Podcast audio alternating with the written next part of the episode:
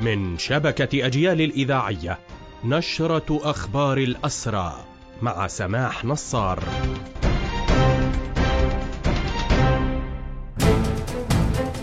أهلا ومرحبا بكم إلى هذا اللقاء.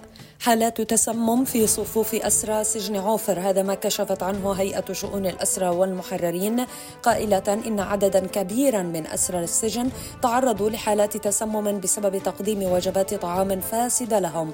وهذا ما أكده محامي الهيئة بعد محاولات صعبة لزيارة السجن وتمت بتاريخ الثامن والعشرين من الشهر الجاري حيث شعر الأسرى بآلام شديدة في البطن وإسهال وقيء مباشرة بعد تناولهم للطعام.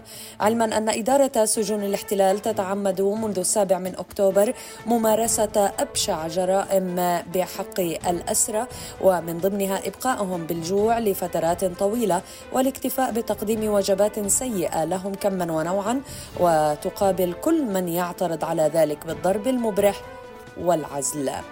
في أخبار هذه النشرة أيضا هيئة الأسرة نشرت تفاصيل التنكيل بالأسيرة جنين عمر وقالت إن وضعها مأساوي كما بقية الأسيرات القابعات في سجن الدامون. أوضحت الهيئة أن عددا من الجنود مقنعي الوجوه قاموا باقتحام منزل الأسيرة جنين الواقع بمدينة الخليل بعد منتصف ليلة الثالث من الشهر الجاري وتكبيلها وعصب عينيها واعتقالها واقتادوها إلى معسكر قريب بقيت فيه حتى الصباح. حال وصولي إلى عوفر تقول الأسيرة حضر جندي أمرني بإنزال رأسي. فقمت بإنزاله لكنه أراد أن أنزله أكثر وقام على الفور بشحطي على الأدراج وخبط رأسي وصولا إلى آخر الدرج.